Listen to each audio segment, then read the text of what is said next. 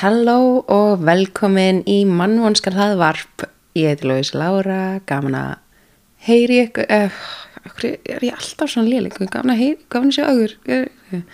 Ja, er, ég, ég veit ekki hvað podcast er held ég, ég er bara eitthvað, ég skil ekki hvað er að gerast núna.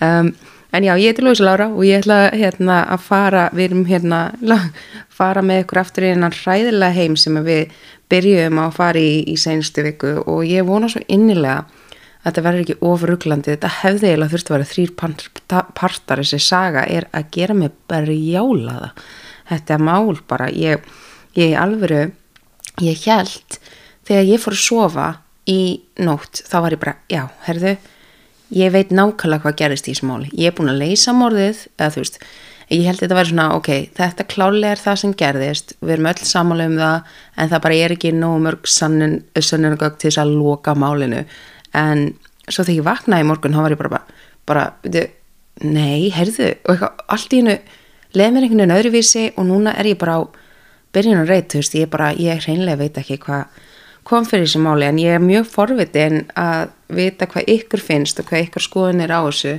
Um, vissulega, já, eru ég eru margir með alls konar skoðanir en hérna flestir svona samanlega um eina neðstöðu í þessu og hérna ég mun fara út í það eftir örskama stund. Ég ætla bara, þetta er ég held að þetta var langt þannig ég ætla bara að fara að vinda mér í þetta já og ég er náttúrulega tek fram að þetta mál fjallar um barnamorð og þetta er partur 2 þannig að hlustið á fyrirpartinu er ekki búin að hlusta á hann en á sama tíma þá ef þú ert ekki búin að hlusta á part 1 og bara klikkaður einhvern þátt sem hétt eitthvað partur 2 þá bara ég kann að meta þessi mannski þú ert svolítið svona öðruvísi. Það er spurning hvort að þú nærða að fatta samt hvað er í gangi en, en uh, kannski langar hlusta fyrst á þennan part og svo part 1, ég veit það ekki ég ætl ekki að dæma, allavega förum inn í söguna 16. apríl 1984 er Gregory Wilmon dregin upp úr Lapáns áni. Drengurinn er bundin á höndum og fótum og ullar húfan hans hefur verið dregin fyrir augun hans. Þegar húfan er dregin tilbaka er Gregory með lokuð augun. Hann lítur út eins og hann sé bara sofandi, friðsæl. Engin sjálegur ótti er á andliti drengsins. Þegar augu hans eru opnuð sérst að augasteinin hans eru víðir sem þýðir að Gregory hefur verið í áni í einhver tíma en ekki var hægt að sjá hversu lengi. Áallar var að drengurinn hefði dáið um klukkan 6 en ef þau muniðu fyrir þætti þá kvarf Gregor í stuttu eftir klukkan 5. Það er strax vitað að þetta var alls ekki slis en það er drengurinn bundin en engin var, varnarför er á líkama Gregorís. Það er ekkert sem gefur til kynna að hann hafi barist um, engin sár, ekkert mar og ekkert blóð. Krupningalæknir tekur augna eftir að þessi létt hvít fróða við munn hans og nef. Engin sá neitt í kringum Vilmón heimilið þegar Gregory kvarf. Það heyrðist ekki hljóð. Það var þá hægt að áætla að Gregory hlýtur þá að hafa verið tekin á einhverjum þekkti. Þar sem hann virtist ekki hafa gefið fyrir á sér neitt hljóð líkt og hann hafi bara fyllt einhverjum sem hann tristi. Er skrimsli innan Vilmón fjölskyldunar. Rannsókn í gang og kaftin Sesma fer yfir rannsókninni. Þegar Sesma fer á heimilu Vilmón fjölskyldunar Til þess að byrja rannsaka var hópu fólks búið að sapna saman á heimili Vilmón fjölskyldunar. Sesma er tilkend að pappi Gregorís hafi keirt í burtu í heift eftir að Gregorí fannst og hann hefur ekki komið tilbaka. En mamma Gregorís var hendur læknishöndum út af áfallinu. Fólkið sem voru, við, fólkið sem voru fjölskyld og vinir töluði Sesma á mikilli heift líkt að þau kendu honum um það sem varðum Gregorí og að hann hefði þetta komið í veg fyrir það. Með engan aðgang á fjölskyldinu varð smá bara að snúa tilbaka upp á lögurlustöð án þess að geta byrja viðtöl. En rannsók fór vissulega strax í gang. Eftir að fréttuðu um andlat Gregor í streyðustum bæin hafði postmaður á svæðinu samband við löguruglu. Þegar hann heyrði á sig á mundan að hann hefði tekið eftir fyrðulu umslægi sem hann skrifað með einhvers konar króti og var stílað á Kristín og John, John Marie Beaumont, fóreldra Gregorís. Hann sagði að það bref mun berast þeim á morgun. Lauruglan fór daginn eftir og kíkti í postkassan og opnaði þau brefið fyrir framansjón Marí. Brefið stakk. Ég ætla að lesa hvað stóð í brefinu en ég ætla að segja að ég, ég nota orðið boss að því hann segir, þú veist, boss í þessu en þú veist ef ég segi yfirmaður, þú veist það hljómar ekki eins, þannig þið fattið það. Ég vona að þú deyrð úr sorg þinni boss. Peningar þínir get ekki eindreimt svon þinn. Þetta er mín hemd. Brefi var frá kunnulögum en óþægtum óvenni Vilmón fjölskyldunar, hrafninum. Setna sagði Sess má um brefið að það var greinalegt að orðalagi brefsins að fókus heifta hrafnsins var greinilega Sjón Marí. Hrafnin vildi refsa Sjón Marí og, og frekar, eftir, frekar enna fara eftir Sjón Marí og þá tók hann frá honum það sem Sjón Marí var mest andum. Þetta snýrist allt um hann nýðilega og refsa Sjón Marí. Það var reyndan á fingraförum á brefinu og einnig var reynd að rekja hvenar og hvar það var sendt. Engin fingraför fundust en laurugla notaðist við tækni sem þeim var kent að taka fingraför sem fólst í því að setja svart púður yfir allt brefið og hafi laurugla verið gaggrind fyrir þetta setna því að nú er ekki hægt að nota aðra leið til að ná mögulegum sönnunögnum frá brefinu. Vissulega voru DNA rannsóknu byrjar 1984 en rannsóknuna voru ekki nógu langt komnar á þessum tíma svo hægt, svo hægt var að nýta þær í rannsókn og það var ólíklagt núna að þessi hægt út af púðrinu. En vissulega var mikilvægt fyrir þá á þessum tíma að ná fingarförum og ef að fingraför hefði fundist þá hefði, þá hefði máli verið leist og þau verið hetjur í dag en í stað fáður náttúrulega rosamikla gaggríni fyrir þetta. Komist var að því að brefið hefði líklegast verið skrifað og sett í umslag áður en að Gregor í kvarf. Það þýðir að það hefði verið ásetningur. Manneskjan sem postlaði brefið hafði gert það um miðan dag þar sem fullta fólki eflust sáu hann eða hana eða þau en því miður voru engar öryggismyndalar á þessum tíma. Einni var ákvarðað að brefið var sendt annarkvort þegar Gregor í var í haldi eða, eða endur, já, hann var í haldi en ekki látin eða það var sendt á meðan morðið var uh, já, að vera framkvæma morðið þannig að það hefur angort verið sendt á meðan það var að haldunum eða bara meðan það var að vera að myrðan með við tímalínuna þannig að sterkasta kenningin er að manneskjan sem sendi brefið var kannski ekki sama, sama manneskjan og draf Gregory Það var hæpið að manneskjan var með Gregory með sér og meðan hann postlaði brefið, það er alltaf mikið hætta. Ólíklegt var einni að manneskjan hefði senda áður því það er líka of mikið hætta. Hvað hafa honum hefði ekki tekist ætlunverksitt? Það hlaut bara vera að einhver annar hefur sendt brefið og meðan hinn fer með Gregory að ánni. Það eru fleiri vitsórsmenn í þessu. Það er fleiri en einn ófreskja í Vilmón fjölskyldunni.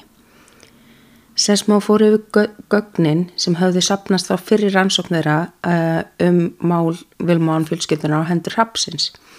Hann fer yfir síma upptökur, ljósitu afrið á fyrir brefum Rapsins og skrifsíni sem Vilmán fjölskyldan gaf til þess að útiloka þau frá rannsóknuna árið 1982. En ef þið munið þá setti lauruglun upp lerunabúnað á heimili Arbert og Monique árið 1982 en þá hættu símtur rapsins og áreiti frá honum. Lauruglan hætti því að rannsaka og ekki var kallað til sérfræðinga til þess að skoða skrifsínin en núna var komið tilefni til. Þeir sem voru helst grunar á þeim tíma voru The Shackels en The Shackels tengjast Wimón fjölskyldunni gegnum hjónaband. Jackie Vilmón, elsti sónunni sem er ekki blóðsónur Alberts, giftist kona á nafni Lilian Shackell og Shackels eru fóruldrar hennar og þau voru grunuð um tíma fyrir að vera hrappnin. Pappi Liljan vann í versmiðinni þar sem Sjón Marí var formaður og var þar að reyna að komast að verkalýsfélagi sem Sjón Marí var á móti. Þar skapaðist mikið spenna á milli og pappi Liljan hataði Sjón Marí ofinberlega. En lauruglan rannsaka fjórmenninguna og þau voru öll með fjárvestasönnin sem var hægt að staðfesta. Lauruglan byrjaði þá að rannsaka restina af fjölskyldinni sem reyndist vera erfið þar sem fjölskyldina var stór. Amma Gregory Monique átti 13 sískinni og voru fjölskyldamönnleifir yfir 140 manns. Talafa við alla fjölskyldu, fengi fjárveistasannir, talafa við nágrana til að hvort einhver hefði séð eitthvað en enginn tók eftir neinu. En einhverjir hafðu þó tekið eftir grænum bíl sem enginn kannaðist við nokkrum dögum fyrir morðið og þann dag sem að maður og kona voru í en óvist var hvort að það tengdist. Einhvers á miðaldra mann í kringu pósthúsi á þessum tíma og það var teiknumynda manninum og gefið út en maðurinn kom fram sjálfur og sagði þetta væri sérlega hann en hann var bara pósthúsinu til þess að býða eftir fari frá vini. Það var staðfest og hann var hreinsaður. Það var allt vittlust í smábænum, yfir 130 frettamenn byrjuði að hanga í smá, smábænum, spyrja bæjabúa um málið og flestir sáu þetta sem rosa mikið ónaði og vildi ekkert svara spurningum uh, en aðrir dreifðu slúðri og fjölmelar olmir deilduði um fjölskylduna. Eitt slúðri var að Móník, Amma Gregorís stundaði Sivjaspjall og Anna var að Afi Gregorís Albert kom frá ofbeldisfylgri fjölskyldu og að mamma hans hafi eins og barið bróðir hans til dauða og hún hefði farið í fangelsi og haldi fram hjá manninu sínum og þess vegna drap pappi Albert sig. Ekkert af þessu er staðfest, the way, það er bara, úst, tækifæri til þess að komast í fréttinnar, slúra smá. Um, fjölskyldunar má, má fjölskyldan, má, fjölmiðlar máluði Vilmón fjölskylduna sem bara svona hilbílis eða hvítrusl bara með fullt af lindamálum og skandulum en í rauninu voru þau bara venjuleg vinnuklassa fjölskylda. Eitt daginn barst lauruglinni símtal frá konu sem hefði verið gift, sem hefði gift sig inn í fjölskylduna og hún hétt Marians, eh, Marians LaRose. Marians var gift frænda Jean-Marie Vilmón, hún tilkynnti þeim að hún grunaði Jackie fyrir glæpin. Lauruglan var búin að útiloka Jackie en fannst eitthvað grunnsalegt við Marians. Hún ringdu símaklefa en ekki heima frá sér. Þau veldu fyrir sig hvort hún vildi ekki að maðurinn hennar, Bernard, vissi af ásökunum og þau spáðu hvort hún var að reyna að beina rannsókninu frá þeim. En þau ákveða að tala við Marians og Bernard. Bernard og Jean-Marie höfðu átt mjög svipa líf. Bernard var einni formaður uh, og þeir átti líka báðir fjagra ára sinni aðeins fættir fjórum mánuðum frákuröðurum. En Bernard var, Bernard var formaður mun setna en Jean-Marie og þurfti að vinna miklu meira fyrir því og sonur hans var með hilsuvandamál sem gerði þeim mjög erfitt fyrir. Lauruglan velti fyrir sér hvort það hefði verið einhver gremja á milli þeirra. En þeir voru ekkert í miklum samskiptum en, en Bernard var samt besti vinu bróður hans Michelle sem er náttúrulega líka frægur fyrir að vera ógísla abbóð í, í hérna Jean-Marie. Lauruglan fekk fjárfusturinsönnuna frá Bernard en hann var bara rosa mikið eitthvað að vesenast þennan dag. Þú veist, hann fór meðal annars að heimsækja Michelle og ætlaði að hitta einhvern vinn og kaupa vín en vinnur mætti aldrei þannig að hann kerði til vina síns og hann var ekki þar og þannig að hann fór bara í búðinu sjálfur að kaupa vínið og svo fór hann í mat og svo að vinna nætuvakt. Lauruglan bað um skrifsíni og Bernard var híkandi en loksins gerðan það og hún var sleft. Lauruglan var svolítið hugsandi samt eftir þetta. Eh, það voru vissilega 45 minna gluggi sem enginn gætt staðfest að hafa séð Bernard og það var þegar hann var að býða á og leita þessum vin og svona. En það var á milli 4.45 og 5.30 sem er svipaður tími og Gregory var rænt og talið hann var myrtur. Sérfræðingar fóru í skriftina hans Bernards og fengu þá niðurstöðu að skriftin passaði við brefin. Bernard var þá orðin helst grunaði. Eigand á kaffihúsin nálagt var búin að lýsa að maður satt á kaffihúsinu hans klukkan 4.30 og var verilega stressaður og órulegur og aðri staðfyrst að hafa séðan nálagt vil mónheimilinu. Lýsingin passaði fullkomlega við Bernard. Lauruglan var nokkuð vissum að Bernard hafði eitthvað ummálið að gera. Hann var í fjölskyldunni og hann var bestu vinnu með sjálf og hann hitti Michelle stuttu, áður, áður, stuttu eftir að Michelle fór í heimsótt til Jean-Marie og í þeirri heimsótt gortaði Jean-Marie sig af þessum leðus sofa og hérna, viðbætunar við heimilið þannig að gæti vel verið að þegar, þegar Michelle fór til hérna Bernans þá var hann eitthvað, ó, guð, bróður minn har köpt sér nýjan sofa og hann er alltaf að gorta sig eitthvað, þú veist Michelle hefði, já, líklega sagt Bernard frá þessu og Hann gæti hafa þá bara mist sig og ákvaða að sækja sín hemd.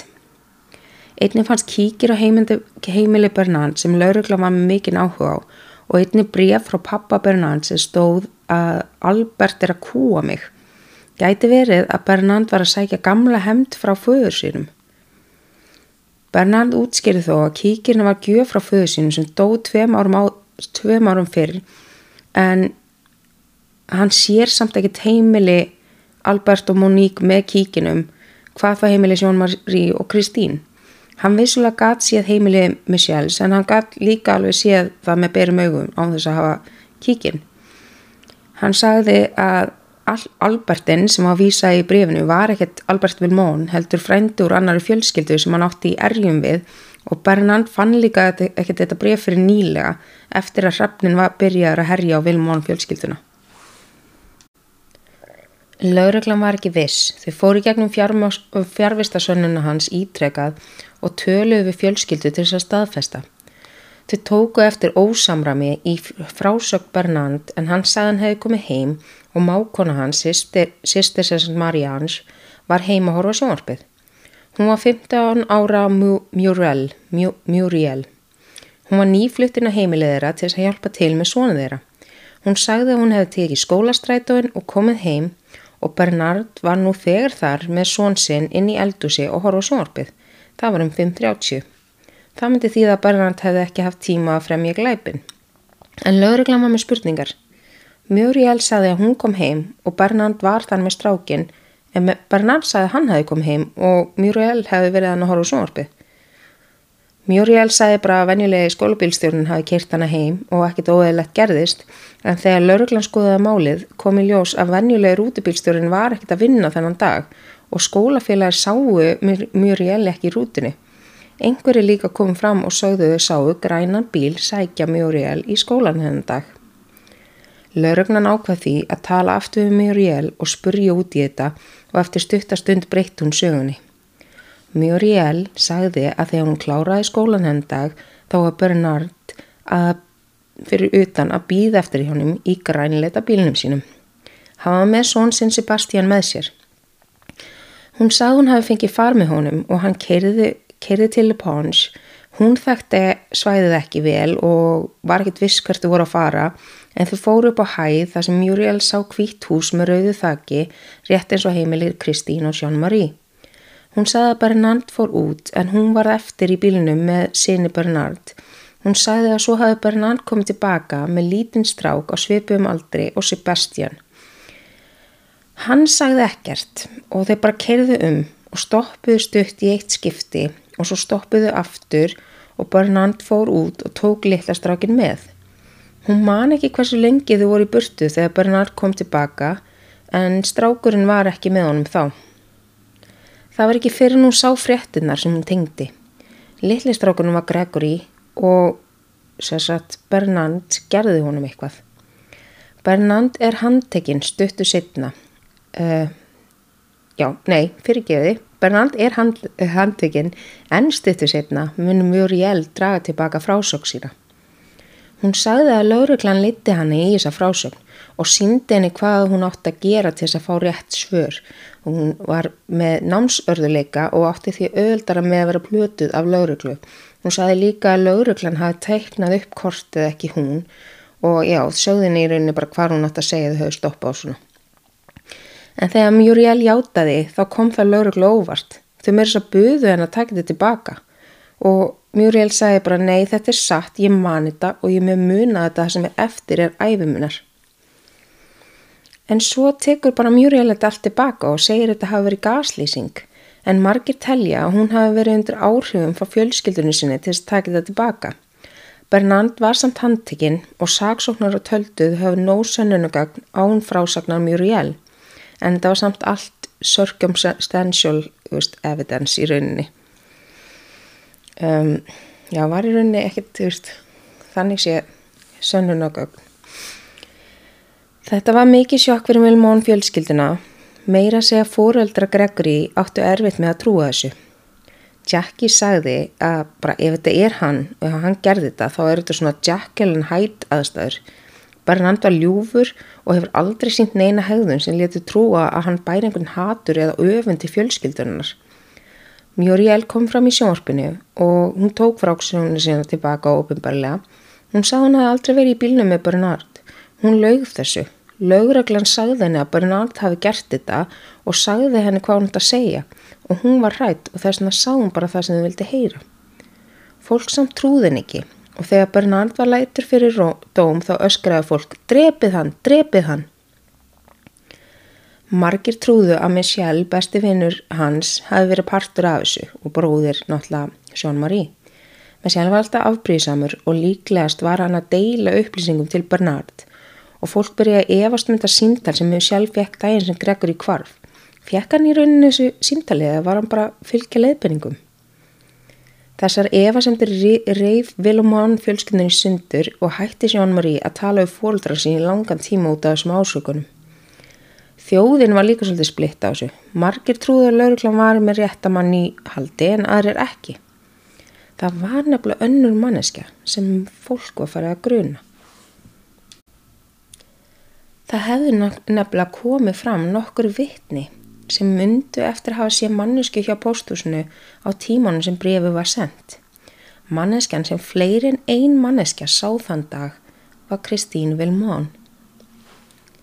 Einni voru nágrann búin að koma fram og segja að þau sáu bara Gregori aldrei verið út að leika sér hennan dag. En Kristín útskýrði að hún vissulega var á pósthúsinu en það var ekki þennan dag. Það var dagina undan og fólk er örgulega bara misminna. Einni var tíminn frá því, uh, frá því þar sem að staðfest að Gregory og, og Kristín, fólk sá þau saman og þar sem var staðfest sérst tíminn frá því að fólk seinast sá einhver þau saman og frá því að hún var að leita af Gregory var aðeins hálftími og það er aðeins of lítið tími fyrir Kristín til þess að fremja glæpin. En fjölmvilar elsku þessa frásögn og byrja að deila alls konar getgótum.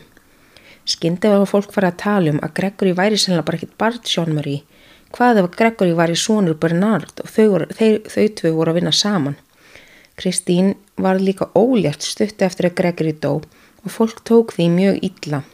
Þau tóku því eins og henni væri bara alveg saman um Gregory. Hún var bara skiptanum út og eða hún var bara að reyna að fá okkur svona auka verndi og hún skildi vera handtekinn.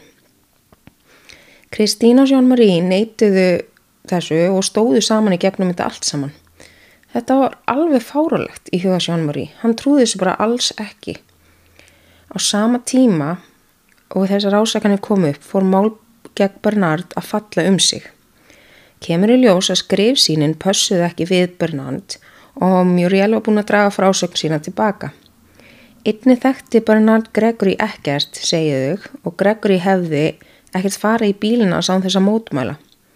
Af hverju ætti hann líka ræna og drepa Gregory fyrir fram á svonsinn og sýstir konunars?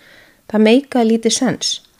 Engin raunveruleg sunnun gegn voru gegn, voru gegn honum og dómarinn fældi niður málið gegn Bernard. Fara þá rannsóknaraðalar Keiri Kristín. Rannsóknaraðalar komist að því að skrifsínin pössuði við Kristín og líkurnar að hún var í hrappnin var í 80%. Lauruglan yfirheiði Kristín í meiri nýju klukktíma en hún gaf ekki eftir. En allt þetta stress var rosalega mikið fyrir Kristín. Hún var komið fjóra mánu á leið og henn var að byrja að blæða og hún var senda á spítalan. Jean-Marie var vitisnu fjær. Hvað í ósköpunum var í gangi? Hann trúði ómögulega að, þetta gæti verið Kristín og fannst þess að lauruglan var að reyna að hilma yfir Bernard sem var í raunverulegur, raunverulegur morðingi svona síns og nún var í líf konun hans og vantalegs bars í hættu. Jean-Marie fór á legstein Gregorys og heyrði það rödd Gregory. Hann talaði við pappa sinn. Hann sagði, gerði það pappi, gerði það. 29. mars 1985 fór að heimili börn, já fór sérsagt uh, Jean-Marie að heimili Bernard Larouche. Þegar Bernard sá Jean-Marie þá bauð hann honum inn og bað fyrir lífi sínu. Hann sagði, tölum um þetta, please, ég gerði þetta ekki. Jean-Marie var vitið sinu fjær. Hann man bara eftir orðin hrapsins í brefinu. Ég vona út degjur úr sorgfinni. Bernard tók upp bissu og, nei fyrir ekki, Jean-Marie tók upp bissu og skaut Bernard Larouche. Bernard dó. Jean-Marie hoppaði þá í bílsinn og kerði upp á spítala til Kristín. Hann garga á hana. Ég gerði það, ég, ég drap hann, ég drap morðingja svonar okkar. Hann gaf sér svo fram til lauruglu og var handtekinn. En það sem Bernhard var núna látin, það hætti lauruglan að rannsaka hann. Eftir morði á Bernhard þá gaf lauruglan í rannsókn á Kristín. Þau leitiði heimi hjá henni og fundi það reypi sem passaði við reypi sem Gregory var bundi með. En þetta var reypi sem var keipt í búin og svæðinum og margir í bænum áttu líklega samskona reypi. Þetta var ekki sterk sönnun, en með vittnunum sem sá hann á póstúsinu og skrif sönnuna það taldi lauruglan að þau voru rétti leið. Almenningur fó líka trúa að Kristín hefði gert þetta. Þau byrjaði að slúðra að hún og Bernhard voru að halda við hvort annað og kannski hefði, hefði Gregory komist að því og þess vegna drapunan. Fólk voru einnig að segja að hjónaband Kristín og Jean-Marie var ekki einstert og það fyrtist. Ásakanir um heimilsofbaldi Sjón-Marí og Kristín byrjaði að dreifast um. Lauruglavandi þrýstingi frá almenningi og Kristín var handtekinn. Þetta er svo hræðilegt. Ég bara, ég hérna, já. Hú, hú, hú. Seks daga í haldi lauruglu þá tilkynnti Kristín að hún ætlaði hungurverkfall þanga til hún var látin laus. Orð barsti Sjón Marie sem var þannig handiki fyrir morði á Bernard og hann tók undir með Kristín og fór inn í hungurverkfall. Fimm daga í verkfallið ákvað dómari að hann var sammála Kristín og það voru ekkit nóg sönnunagögn og þá var Kristín sleft en rannsóknin helt áfram. Almenningur trúði samt ekki Kristín og hún var kölluð hataðasta konan í Fraklandi. Það var skrifu grein sem var gefið út í einu staðsta blaði Fraklands um Kristín. Greinin var skrifuð af frægum ríthöfundi og tekið fram í byrjun greinarinnar að þetta var bara byggt á skoðum ríthöfunds en ekki endilega staðrendum. Í greininu stóð að Kristín hataði Jean-Marie. Hann beitti hann á ofbeldi og hefði einhvern tíma barið hana yllilega eftir hún ofeldaði matinn. Ég held að stóð ofbeldaði matinn, ég var mjög fein, ég las það ekki villust, en af hverju var ég þá að segja ykkur að ég var næst í hún að gera það? Já, um, það stóð að Kristín lá upp í rúminu sinna á næturnar og fantasæsaði um að rýfa augun úr Sjón Marie. Hún vildi aldrei vera mamma og þótt ekkert vænt um Gregory. Hún hugsaði að hún dræpi Gregory og fengi svo mannsinn til að drepa Bernard í bræði, þá myndi hún losna við bæði vandamálinn sinn mannin og sonin. Höfundurinn hafði aldrei hitt Kristín og byggði skoðan sína á tilfinningu sem hún fekk þegar hún heimsóði húsið hennar. Þessi grein hafi verilega mikil áhrif á almenningsálit. Þetta er svo fáralegt, þú veist, má maður gera þetta bara? Já, ég, ég held að hún hafi bara verið upp í rúmi og hún hefði bara hugsað, ég ætla að rífur honum augun, þú veist, hvar færðu þetta? Þetta var bara, þetta var bara svona hennan ímyndun í rauninni. En hún segir það líka greinin í byrjun bara þetta er bara mín ímyndun. En þetta er náttúrulega bara byrt í fréttablaði og þá tekur það náttúrulega fólk þessu sem frétt. Já. Það er svo mikið pyrrandi í heiminum. Lauruglinni barst einni bríaf frá stelpu sem sagðist heita Corinne hún sagðist vera vinkuna Muriel og að Muriel hefði viðkent við hana að hún var í raun í bílnum með Bernard þennan dag og dró aðeins frásögnin sína tilbaka því að fjölskyldan hennar barði hana. En vissulega voru, samt, það voru frásagnir eitthvað sem að eftir hún e, dró frásögnin sína tilbaka þá voru einhverjum sem komum fram sem sögðu að það hefði hýrt fjölskyldan hennar að vera berjana daginn eftir að hún sérst, kom fram en fjölskyldan hennar segði bara nei, getur þetta ekki bara verið og ógsla mörgu okkur og hún kasta steinum í bladamenn og eitthvað svona þannig að maður veit ekki En í brefinu sagði Corinne að Bernard hataði Jean-Michel. Hann var ástfangin af Kristín og hún hafnaði honum fyrir Jean-Michel. Kristín hafi líka einhver tíman sagt við hann eftir að sonur hans fættist Það er gott að ég valdið ekki, þá hefði ég eigna skallaðan són líka. Bernard átti þó að hafa svarað, já, sónu þinn verður nú ekki fullkomin lengi. Kristín kannast ekkert við þessi samskipti og, hún, og það fannst aldrei neginn Corinne sem að, þú veist, það var enginn, það gæti hafa verið falsnafn en þau fundi enga sem gæti verið Corinne sem skrifaði þetta bref og það var því afskrifað og fólki fannst líklegt að þetta kom frá stuðningsaðala Kristín að reyna að færa sökin aftur yfir á Bernard. Þetta er svo, þetta er svo erfið saga mitt út af þetta er svo mikið eitthvað svona bara eitthvað, einhver sagði eitthvað. Veist, þetta er svona eins og þegar veist, maður er eitthvað á TikTok og það kemur einhver svona já, ég var akkurat í þessu flugi þennan dag og ég get staðfesta að, þessi motherfucker was not real þú veist, og þú varst ekkert í þessu flugi og býrðu í Íslandi eða eitthvað. Þetta er bara svo mikið svona, bara fólk segir eitthvað og það bara prenta sem frétt. Og þetta er bara ó, þetta er svo og einmitt, og allir búin að tapa sjónar af því að þetta fjallar um morð og fjagra ára badni mm. Í september 1985 fættist annað barn þeirra hjóna. Kristín lefður ljósmyndunum að taka myndir af henni og barninu á spítalunum í vonum að almenningur myndi sjá hann í betri ljósi. Það snýrist gegninni og ég hefði nú bara geta sagt henni það. það var ég ekki að fara að vera vinsælt. Hún fekk borgað háar upphæðir fyrir að leifa byrtingu á myndunum og fannst fólkið að smekklaust. Hún var að græða á dauða svona síns. Kristín var einnið að koma fram á tímaritum og fá borga fyrir það. Hún skrifaði líka bókumálið og þetta let fólk hata hana enn meira. En Kristín útskýrði að lögfræðikostnæðurinn var hún svo hár og hún gati ekki annað en að gera þetta til þess að afla tekna.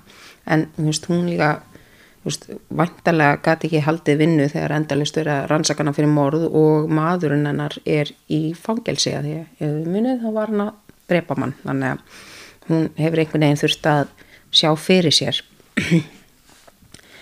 Tengdafóruldrennar Albert og Monique snýrst gegninni.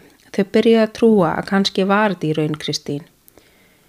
Ári eftir dauða Gregory var ennverið að byggja mál gegninni en engin ný sönnunogögn voru komin. Það var engin sterk ástæða fyrir því að Kristín myndi gera þetta. Engin gæður hann vandamál, vinur og fjölskylda lísta henni sem indisverið stoltri móður og ástfangri eiginkonu. Ekkert var til í þessum frásögnum og Són Marí var líka staðfest sem pappi hérna Gregorís. Þetta var ekkert neitt eitthvað svona DNA, eitthvað, þetta var ekkert eitthvað svona ó, kann, veist, Jerry Springer mál eða neitt hannig. Bara hann var pappin, hún var mamman. Þau virtist fyrir ástfangin, eðlileg. Lauruglan vildi samt ekki sleppa málunni. Þau voru bara vissum að það væri Kristín. Þau bara gjössinlega voru með hann á heilanum. Þau fóru gömgæfilega yfir tímalínuna og þau komist að því að hún hefði alveg geta frá með glæpina á þessum hálftíma um, sem var ekki hægt að gera grein fyrir en þú veist, þetta var samt sko, ég skrifaði hérna ef hún hefði kyrst súper rætt, þetta var í alveru þau bæði voru sko eitthvað, já, hún, ef hún hefði kyrst ógæslega rætt og ef að hérna Gregory hefði verið hendi ána á öðrum stað en við heldum upprunulega þannig að þau líka eitthvað svona, já ok, segjum bara hann hefur verið hent þarna, þótt að við heldum áður að hann hefur verið hent á þessum part á hann segjum að hann hefur freka verið hent í ánuna þarna, að því að þá er möguleika að hún hefur getið gert það. Þannig að þau voru bara virkilega að reyna að láta þetta fitta en þetta bara var ekkit að fitta. En þau held áfram að rannsaka og tveimur ári eftir að mórðið á Gregory þá ákvað dómari að það væru næg sönnunhöggja þótt að mér finnst ekki. Og í rauninni sönnugum voru það að þau segja núna ok, hún hefði getið gert þetta hóltíma þá voru vittnesins á hana hjá póstunum og hún var með líklegastu hérna, sérst, líkustu hann, skriftina við bregð frapsins þannig að þetta fannst þeim vera nóg og það ætti að rétta yfir Kristín en þegar hún heyrði þetta fekk hún mikið sjokk hún var með miklar ágjur að missa nýja batni sitt og hún tók ofstóna skamt af deyfandi lifum en sem betur fer lifði hún það af. Þetta var náttúrulega bara bull veist, og hérna og þetta var bara, fólk var bara orðið þegar hún var verið að reyna að fanna með þetta fyrir rétt og þú veist, þá fóru lögfræðingarinnar bara í það að vera bara, nei, það þarf fell að nýra þetta mál, það er ekki sjans fyrir Kristín að fá réttarhöld sem eru sangjöld vegna þess að fjölmjölaumfjöldin er búin að vera svona eins og hún er. Og það bara, hún fær aldrei sangjöld réttarhöld og svo er það líka bara og þessi sönnunugögn eru bara ekki neitt neitt. Og almenning, og þú veist, laurugling bara klúður þessari rannsókn og almenningur og þá bara byrjaði að koma svo mikið pressa að fólk var bara orður úr þess að reitt, það var bara hvað er í gangi hérna, þannig að það var eiginlega bara endaði þannig að það var bara sagt, ok, hérna við þurfum bara að fá nýjan dómara að því að þessi dómari bara virtist fyrir með Kristín og heilanum og vildi ekki sleppi þessu máli. Þannig þau bara hörðu við förum í nýtt veist, nýjan, ég veit ekki hvort maður segja fylki en hvernig þetta er í Fraklandi en þau fórum bara ný, nýtt umdæmi og hérna fengur nýjan dómara og sá dómari var bara eitthvað, ok, við byrjum rannsóknina aftur frá grunni. Bara það, við þurfum bara að skoða þetta að til auð og hann gerði það og þetta er hérna það, þetta var bara rosalegt veist. Kristín var undir grunn hún var í rauninni ekki hreinsuð fyrir morðið fyrir sjö og hálfum árum eftir morðið.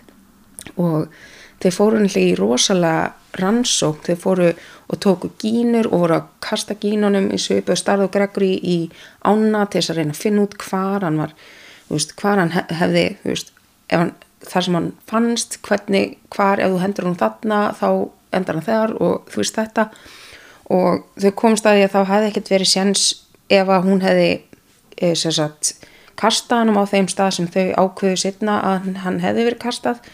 Um, það, það fittaði ekki. Hann, hún, hún var ekkert kastað þaðan og veist, það bara passaði ekki og meiris að kyrðuðu þennan veg sama sem að Kristín hefði þurft að keira til þess að geta gert þetta og þau segja bara eitthvað, hún hefði þurft að keira eins og kapparksturspílstjóri og jafnvel þá það eru aðri bílar á veginum þú veist, þau hefði verið í veg, vegi fyrir hana og hérna klárlega hefði einhver tekið eftir því það væri einhver að keira bara eins og vittlesingur þá hefði vittni komið fram og sagt bara já, það var einhver vittlesingur að keira henn á veginum.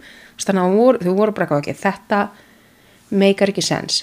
Skrifsínin voru líka afsönnuð og þegar það var talað aftur við vittnin sem sögðu þú veist að þau hafi síðana á póstusinu þá var greinilegt að þau hafði svona tala saman og komið sér saman með frásögnuna sína. Og þau voru alveg bara svona já veist, kannski var það daginn áður, þú veist, þú voru ekki viss. Og Kristín líka sérst, þau, þau báðu þau vittin um að lýsa í hverju Kristín var sem þau gerðu og það var ekki fötinn sem hún var í þennan dag, þannig að var, hún var greinlega á póstursinu daginn áður þá hún, þau fundu, gáttu reikið þá hún sendi bref daginn áður. Þannig að hérna þetta, það var alveg svona sanna sem bara miskilningur En það var líka annað sem kom upp í þessari rannsókn. Það voru hlutir sem let dómaran hallast aftur af Muriel og Bernand. Það voru bara alls konar hlutir sem voru svona svolítið ósvarað. Það var eitt sem að um, hérna, fannst á satt, uh, ég man ekki hvort að ég skrifaði inn í málið en ef ekki þá er ég að segja núna að hérna það fannst við ána, fannst insulín sest, og svona tóm insulín íhald og spröyta einhvers það er meðfram þessari á en þetta er rúsal stórt svæði þannig að ef engin veit nákvæmlega hvað hann var hend í ána þá var ekki alveg hægt að segja að þetta tengdist. En þegar þau fóru að spá í þessu þá hefði nú alveg passað að Gregory hefði verið spröytað með insulíni og þess vegna hafa hann verið bara svona rólur því hann hefði þá bara farið í dá og þegar þau geta hendunum í ánna og hann hefði dóið bara nokkrum sekundum í, en nokkrum mínútum í ánni og hérna hafa hann bara druknað. Það var líka krupningin á strengnum var bara hræðilega, bara hún var ekki frá, þú veist, hún var ekki nógu viðunandi, þú veist, það var eftir á eiginlega bara ekkit hægt að tjekka hvort að hann hafi verið, þú veist, þau tók einhver lífsíni en þetta var bara það lítið lífsíni, það gáti ekki tjekka hvort það fannst eitthvað um, efni í líkamnum hans að því að þau gáttu bara rétt svo að tjekka hvort hann hafi verið undir áhrifum áfengis en ekki neitt meira. Þannig að það er ekki hægt að sanna það en þetta, það meikar sens. Þessi insulinkenning er svolítið, svolítið góð kenning en þá líka kemur að því að það voru þau voru að segja afgrættan afgrætti Bernard að taka sagt, Muriel eitthvað með sér og svonsinn þá fóruð þau að spá sko að því að mamma Muriel var veik og það var mikil aðgangur á insulinni sem hún var á á heimilinu og hvort að hann hefði tekið Muriel með til þess að fá insulinnið og til þess að fá hana til þess að hjálpa sér að sérst, spröyta insulinni í drengin um, einnig veist, var fólk að segja að það gæti verið eins og með Sebastian með sonans að þetta gæti verið líka góð leið fyrir Bernard ef hann hefði verið að fara að grýpa Gregory bæði myndi það að hann væri með Sebastian og verið með Muriel með sér það svona að róa kannski strákin eitthvað svona, já, ég, ég sé þau eitthvað, veist, hann hafði áður leikið við Sebastian, Muriel hafði vist einhvern veginn passað hann þótt að hún myndi ekki eftir því, veist, þannig að geti verið að það myndi svona rá, róa drengin og þess að kemur hann með þeim. Og ef að Kristín hefði komið fram og séð þau þá er þetta svo gott cover, bara eitthvað, já, heyrðu, við vorum bara á röltinni, við sáum ykkur og ætlum bara að fara að lappa með Gregory, þú veist, eitthvað svona. Og hún hefði ekkert eitthvað verið eitthvað æsti við því, hún hefði bara svona já ok, þau voru, hann var með strákin, þau voru bara að leika eða eitthvað þannig, þú veist, þannig að það hefði geta skýrt það af hverju hann var með þau tvö með sér þegar hann framtið hann verknað ef hann gerði það. En þá kom líka pælingar bara var þetta allt of lítil tími samt fyrir Bernard ef að, að þau að fara hérna og hann hefði tekið hann og þegar hann kom tilbaka var þetta nægur tími og þá kom upp kenning að mögulega væri bara fleiri í málinu og hann hefði ekki drepið Gregory heldur farið með hann bara ræntunum og skilaðan til einhvers sem hefði svo fram í verknaðin og hann hefði svo bara farið heim uh, í mat eða eitthvað þar sem að hans plan var restan með deginum. Um, þau klálega skoðu þetta meira. Þetta var rosa mikil rannsókn á þessum tíma og dómarinn fór og vildi tala við Muriel aftur. En Muriel saðist ekkit munna og en dómarinn fannst alltaf eins og hún var í alveg að fara að játa. En hún var greinilega döðhrætt við fjölskyldinu sína. Hún fannst alltaf eins og hún var að reyna að senda hann um einhver dölinn skilabúð hann sagði eins og, eins og þú veist bara, hann bara, ég las í augunum en hún var að segja bara að sérði ekki, ég get ekki talað þetta er búið fyrir mig, ég get ekki sagt neitt. Um, það var líka, ég skýt þessu inn í að því að það var rosa mikið á upplýsingar í þessu máli og ég var ekki að skrifa þetta allt í handritið að því að þetta er bara rosalega stort en hérna, en það var líka sko, uh, það varu margir sem töluðu um sko þegar hún fór og játaði hana fyrst og hún var bara slag kátt og hún var bara svona talaði við lauruglun eins og þau voru vinir og þegar hún, þú veist hún hérna talaði við, það var ekki bara löggan, ég held að hún hafði farið að tala við einhvern sálfræng og sálfrængin var bara eitthvað, já hún var bara eitthvað, á lögglanir vinn minn er allir gett næs hérna og, og hún var bara að segja eitthvað þannig, þannig að það var svo skrítið og hún segi svo eftir að hún hafi verið hrætt og hafi verið á hótinni og, og blati bla bla bla, þú veist, en hérna, en það er líka bara, maður veit ekki, það er alls konar sem gerist á löglustöðinni sem er svo verið að hilma yfir en það var líka skoðað sérst, málskögnin um öll þessi símtöl hérna hjá hrafninum. Þá tekur dómanin eftir að hann finnur einhver svona hérna, minnisbók sem að Móník hafði haldið utanum þegar hrafnin var að ringja sem oftast. Og þá var hann að skrifa hvenar símtölunum voru og svona. Og dómanin tekur eftir því að það búið eiga við þessa minnisbók. Það búið að taka út einhver gögn og þegar hann fann hvaða gögn var búið að taka út þá var búið að taka út símtöl sem bárust á meðan Kristín voru í vinnunni. Þannig að var reyna já, bara taka út eitthvað sem gæti hjálpað Kristín. Og það var sérfræðingur sem hlustaði upptökunu af hrafninum og þau greindu að hrafnin var maður á milli 50 og 60 og konuröttin var að svipu um aldri. En það er líka hægt að deilum þetta. Það er hérna, já en svo kom fram hjúka sérst mömmu Mjúriel að mamma Mjúriel hafi dáið stuttu setna og hjúkan sagði að hún eitthvað miklum tíma með sérst hérna, mömmunni. Og mammenar viðukenda á dánabeðinu að Mjúriel var að segja satt fyrst að hún var í bílnum. En mamman sagði líka sko að Mjúriel elskaði börn, hún hefði aldrei skaða börn hún hefur líklegast ekki vitað af því hvað var að gerast. Og svo sá hún ynni að hún trúði ekki að Bernard hefði heldur haft það í sér að myrða badnið en hún trúði því að þau höfðu látið badnið eitthvað annað. Uh, Kristín var loksins sjö árum setna eftir að fóru í þessa rannsók sem því miður var ekkit hægt að finna niðurstuð á vegna þess að Bernard var látin einnig voru bara fjölskyldumæðlimir og vittni þú voru bara svona hægt að vilja tala þú voru greinilega allir að halda af sér einhverjum upplýsingum. Fólk var bara, fólk var ekki trúverðugt í þessu máli, þetta var bara rosa mikið hinga og þanga en það sem kemur úr þessu er að Kristín er loksins sagt bara hún hafa gefið út bara þvílíkt bref bara um allt sem klúrast í rannsókninni og bara að þetta, væri, að þetta hefði bara verið ofbeldi á sérst frá dómskerfinu á hendur Kristín. Þetta gefið út og Kristín er auðvitað mikið létt en á samt tíma er hún og Són Marí þú veist þau eru þeim í létt en hún er samt bara en ég veit samt ekki ennþá hver draf sónu minn. Þannig að þetta er svona mjög blendnar tilfinningar. Og það er hérna og hún, hún er spurðið að einhverjum einhver tíma bara er einhver í þessu máli sem þú hatar og getur ekki fyrirgefið. Og Kristín segir já, eiginlega mjög rél því að ef hún hefði ekki dreyið frásökk sín tilbaka þá hefði lauruglan rannsakað Bernard betur og ég hefði fengið einhver svör og maðurum minn hefði ekki myrtan og ég hefði haft manni minn hjá mér á hverjum degi í þessu. En svo var setna réttað í máli hérna Sean Marie fyrir morðið á Bernard og hann var alveg, það var rosa mikið fjölmjölafár, hann var fluttur inn með svona bulletproof glass, veist, svona gler yfir honum sem að passaði að enginn getur skotið hann.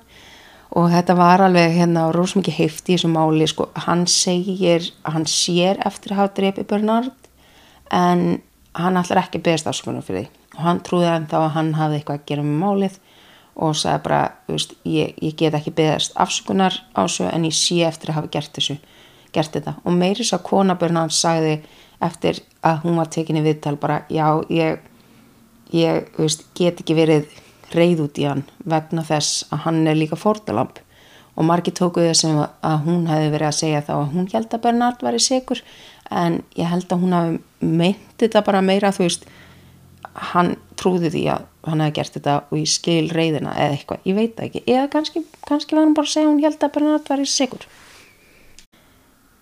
en Jean-Marie fekk fimm ár fimm ár á fangilsistóm en það var tekið til greina tíminn sem hann var búin að setja inni nú þegar þegar rannsóknum var í gangi. Og þegar var hann bara sleft og aftur þá var þetta rosa svona Þetta voru svo erfitt fyrir uh, Sjón Marí og Kristín. Þau voru rosalega ánað að vera saminu aftur og þau voru gift í gegnum þetta allt og bara stóðu saman þjætt í gegnum þetta sem er rosalega óalgengt í alvöru þegar svona mál, mál kom upp hjá fjölskyldum þetta áða til að sundra hjónaböndum en þau gerðsannlega stóðu fast tilbaki á hverju öðru allan tímun og, og þau voru einmitt rosalega ánað að hann var að koma aftur út og geti verið með barninu sínu og hérna en þau voru ennþá bara já en það er ekkit réttlæti fyrir svona okkar. Og ég minna af því að Jean-Marie gerði þetta þú veist þá er ekkit hægt að fá almennileg svör frá neinum nema Muriel. Og í gegnum árin máli verður bara kallt á þessum tímpunkti þau reyna á full, þú veist þau eru alltaf að reyna að opna máli aftur. Það er gert alltaf þegar kom einhver svona nýjar uh, tæknir til þess að testa hluti þá berjast þau fyrir því að testa og það bara finnst ekkert, það fannst eitthvað kvenn og kalkins djena sem að bara mattsaði ekki við neitt og veist, það fundist einhver fingraför sem að voru samt eiginleiki og eitthvað svona. Það var, það var alltaf, það fannst kannski eitthvað en það var ekki nótið þess að testa eða eitthvað og þau fundi ekki, þú veist. Það var einhvern veginn aldrei neitt en þau heldu áfram alveg bara, bara veist, í mörg mörg ár voru þau ennþá að reyna að bara fá rannsóknuna aftur í bara gang. Og það var alveg vissulega oft tekið upp og bara reynda það var alltaf verið að reyna að leysa þetta mál. Um, það voru stöðt að koma fram alls konar frásögnir hjá fólki sem að var að segja að Muriel hafði játað við fullta fólki bara að hún, veist, að þetta væri satt, hún hefði verið þarna.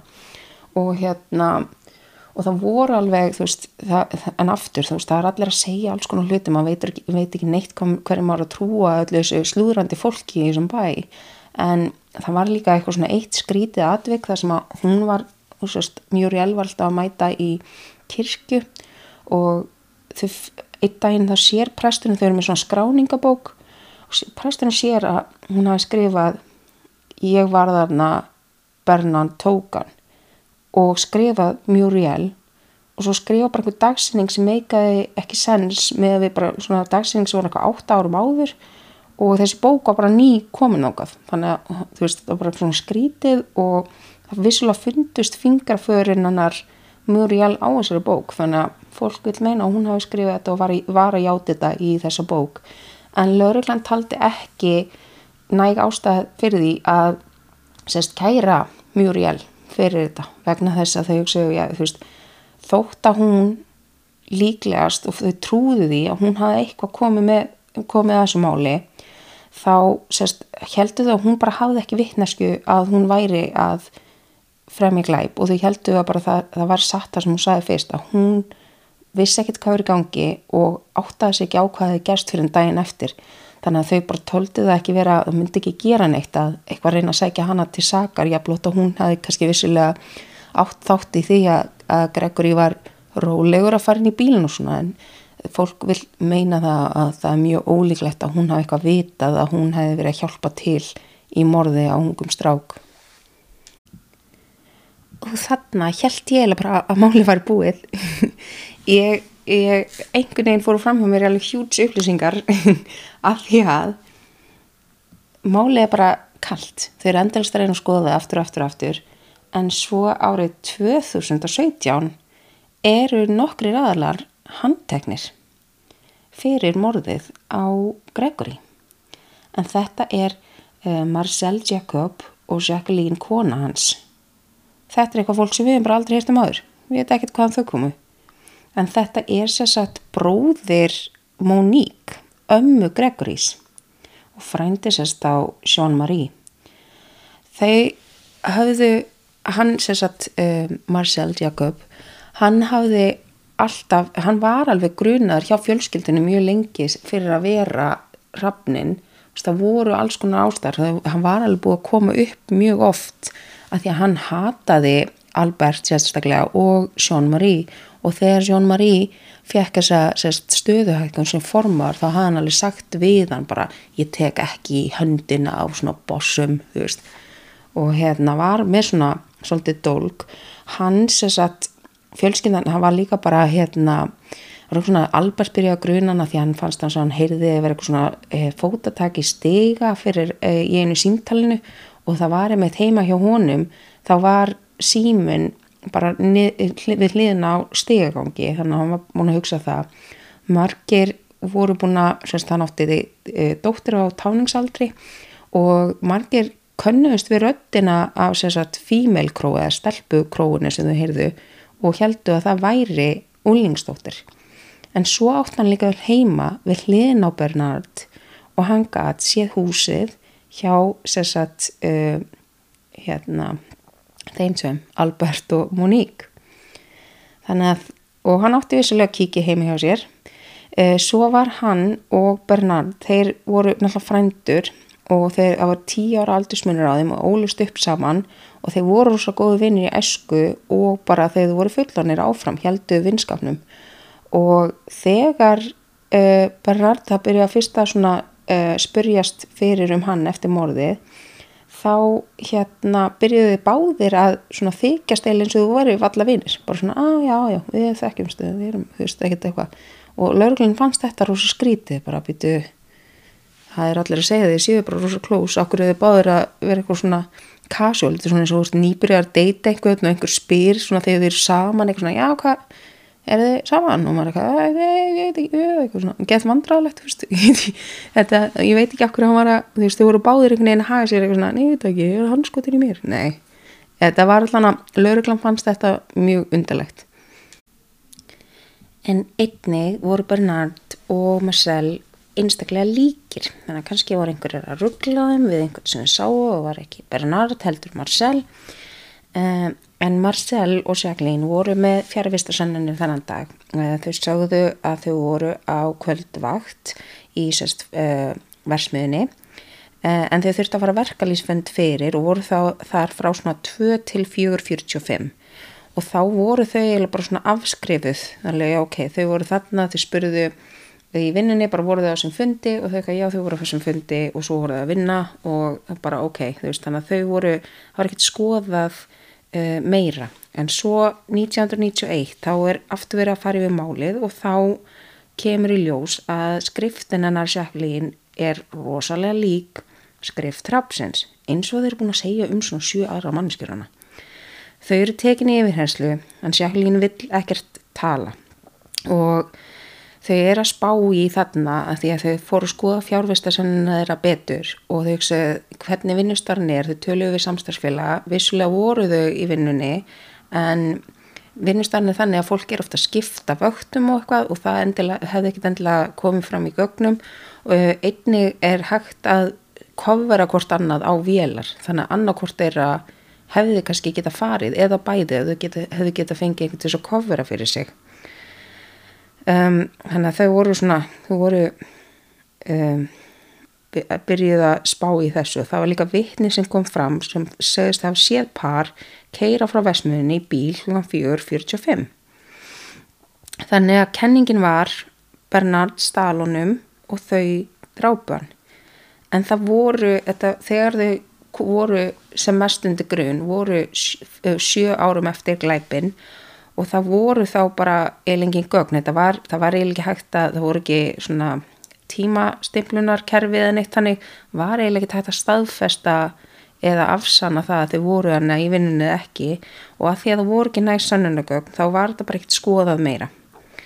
En svo þarna 2016 þá fær laurugla nýjan búnað sem gerir það verkum að þau geta upplótað í tölvu öllum gögnum í málnu og þarna fyrir lauruglan í að bara bera saman, þau fara að skoða allar fjárvestarinsönnir og fara þú veist þaðan að séu, ok, þetta er svæðið við erum með myndri svæðinu, ef þessi var þarna ef þetta er svona, hvernig getur þetta virkað?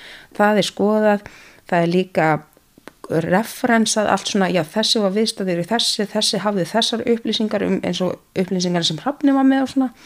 Og reynd að finna bara svona hver, hver er líklegastur og hafði þið nóg út frá öllu þessum upplýsingum sem er setta saman. Og þá kemur í ljós að bara nafni þeirra þess að pars um, uh, voru ótrúlega oft að koma upp. Uh, og þá er komin kenning. Bernard, nummer eitt var kenningin Bernard draf Gregory með hjálp Muriel. Um, eða nummer tvö Bernard stal Gregory og átti vitorsmenn sem drápan. Sem að, að vissuleiti hafi áður komið fram en þarna voruð eitthvað svona ok við erum með samt núna hugmyndur um vitorsmenn og bróðir hans Jean-Marie Michel kom vissulega mjög oft upp og ásamt konans Jeanette sem einhver sem hafði þessa hefti og reyði og allar þessar upplýsingar og gæti hafi verið hrafnin en með sjálf og sinnett voru, hann var staðfest heima á þessum tíma sem þetta gerðist og þetta gæti því ekki verið hann. En uh, það er tala við Jacqueline og Marcel, er, það er ákveðið þau eru hann að handtekina á sjötu saldri af því að þau koma líka ótrúlega oft upp í þessu máli.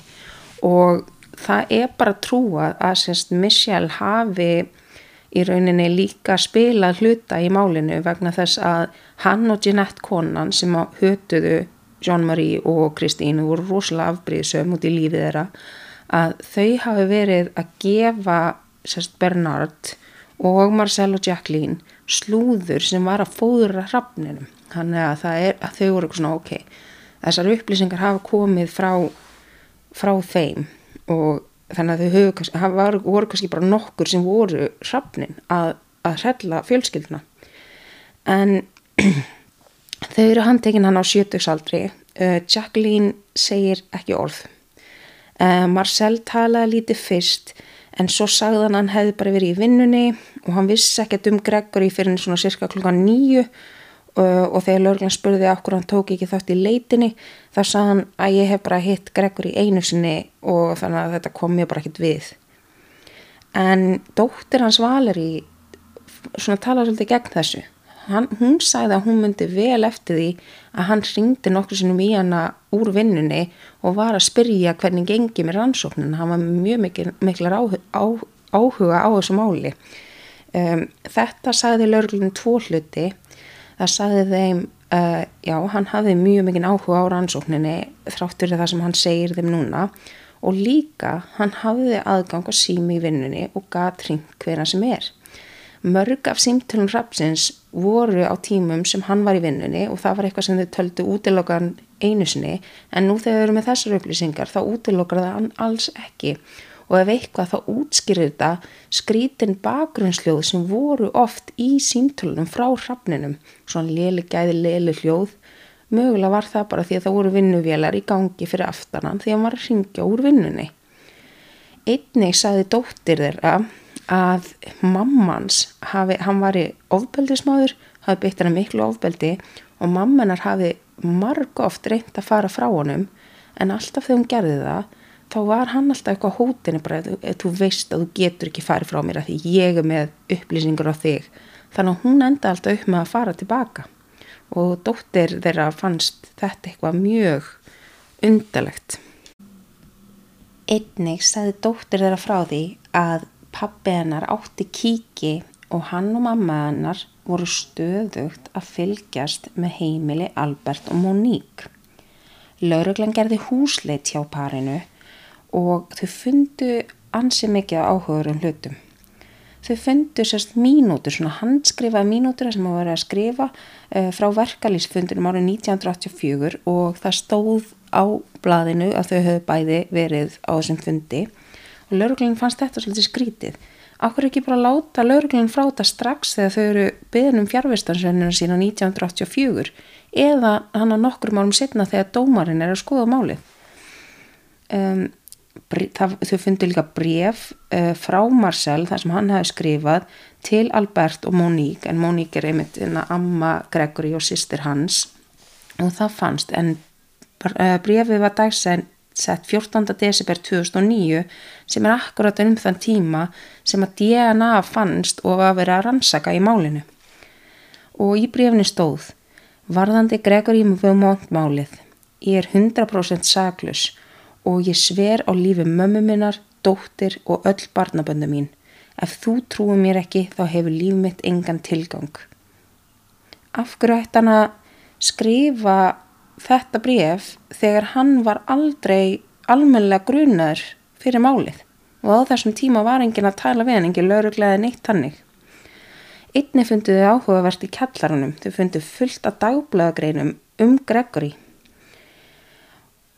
og uh, svo var líka annað að hérna Marcel svaraði fyrir sig, hann sagði þú veist með brefið þá sagði hann bara já ég, veist, það hefur ekkert að gera með DNA ég er bara eitthvað að skrifa ég, ég bara eitthvað veist, ja, ég, ég líka ofta skrifa bref heima og bara eitthvað ég kom ekkert nálægt hvarfi matalinn með kann, þú veist, ég menna maður gerir þetta alltaf öðru kóru, þú veist, what the hell og hann segir að hann held í þessar mínútur frá fundinum að því hann bara já, ég hugsa bara kannski einn daginn þarf ég að sína þær. Um, hann útskýrði það þannig. Uh, hann sagði líka að það var bara óhugsandi fyrir hann að fara úr vinnunni án þess að hafa skrifilegt leifi frá yfirmanni. En það var talað við samstagsfélag hans og þau sögðu bara nei, það var nú ekki þannig. Og Marcel var bara fyrir eitthvað þekktur fyrir að fara og koma eins og honum bara síndist í vinnuna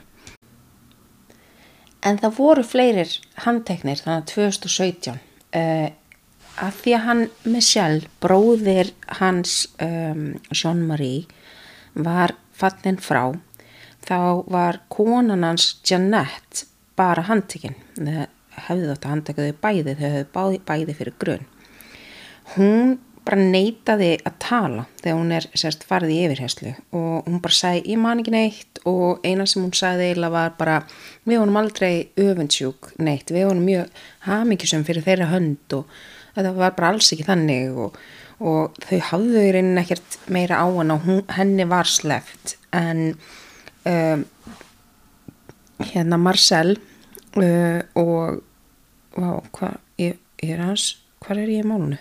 Ég gerði eitthvað vittlust og nei, hvað gerðist? Allavega. Jacqueline og Marcel þau hérna þau voru þeim var haldið í fjóra daga í yfirheyslum að kom voða lítið úr því nema það sem ég tól, taldi uh, áður. En svo var þeim sleft út af bara eldri aldri að þau voru onsvöldi gömul en þau voru samt áfram uh, undir rannsókn. Um, það var líka tekin Monique var tekin sérst amman aftur til þess að, að því að það fannst að því að þegar fóru yfir nýju málinn þá fannst það af bref sem hafi verið sendt að segja um að skoða Kristín var í skriftinu hennar og hún viðkendi þarna bara já, vissulega er þetta mjög líkt minni skrift en ég skrifaði ekki þetta bref um, Lauruglan bara grunaði að hún Monique var alltaf með meiri upplýsingar hún, hún, þau voru bara, við vitum að þú ert með meiri upplýsingar um þetta. Og hún vildi ekki segja. Mögulega því hún vissi að Marcel hafði eitthvað með mála að gera. Hún neytaði, hún sagði að hún trúði ekki að Bernard hafi gert þetta. Hún sagði að hún væri ekki með neinar frekar upplýsingar. Og þegar lauruglan spurði hana er þetta allt sem þú hefur að segja um máliðan skrekkur í. Þá sagði hún bara já hún hafði ekkert meira að segja Hún dó, árið 2020 vegna um, heilsufarsvandamál í kjölfarið á COVID og þar eru, já, öll, allt, all hennar veitneskeiða farin og hún greinlega var, hún held einhverju eftir, fólk trúir því en það ferir ástæður sem eru bara vitar af henni. Uh, eins og máli stendur núna 2023 þá er það ennþá óupplýst það er engin, ég held að það hafa verið að vonast eftir hjáttningu og ég held í rauninni, málunum var klúðra svo rosalega af hérna lögreglu og rannsóknaræðilum og fjölmiðlum að það er bara sönnugögnur og ónýtt, það er engin leið að leysa þetta mál nema einhver játi. Og kannski gerist það, kannski játar einhver en manni finnst það ólíklegt um, eins og stendur. Um, núna í dag þá eru hérna Jean-Marie og Kristín þau búa í Paris þau fengu pening greitin á ríkinu út af hvernig var hef, sérst, komið fram við því gegnum þetta mál. Og þau uh, eignast þrjú börn og eru þar bara að hafa mikið samlega gift og segja að þau hefðu aldrei komist gegnum þetta eða væri ekki fyrir ást sína sem þau höfðu ákóru öðru. Um, þau, já, og, og ást sína af börnunum sínum. Þau geta lifað mestuleiti eðlilegu lífi vegna þess að enginn í Paris þekkir þau lengur. En þar sem að uh, þar sem að Gregory var grafin var stanslös ferðamanna ströymur að legsteinum hans í mörg mörg ár. Og þau ákvoði nokkrum án setna að láta grafan upp og sest, brenna líkið hans. Og þau gráðu eftir helmingin á öskunans og heldu svo hinum helmingin fyrir sig.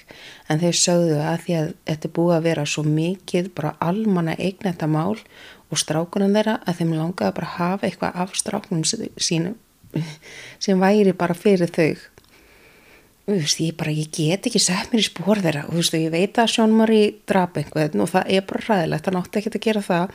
Og veist, ég veit ekki hvort að Bernard var segur eða seglus og það skiptir ekkit máli en, en þetta er bara ekki, það sem var bara það sem þau þurfti að gangi gegnum þetta bara í mörg ára einhverjum ofsóknum og svo svonur þeirra hræðilegsta sem einhver getur ímynda sér er svona þeirra drepin og svo bara stanslaust þú veist, þeir bara eru upplifað bara áreitið á fjölmiðlum og bara legar og þetta er bara allt, veist.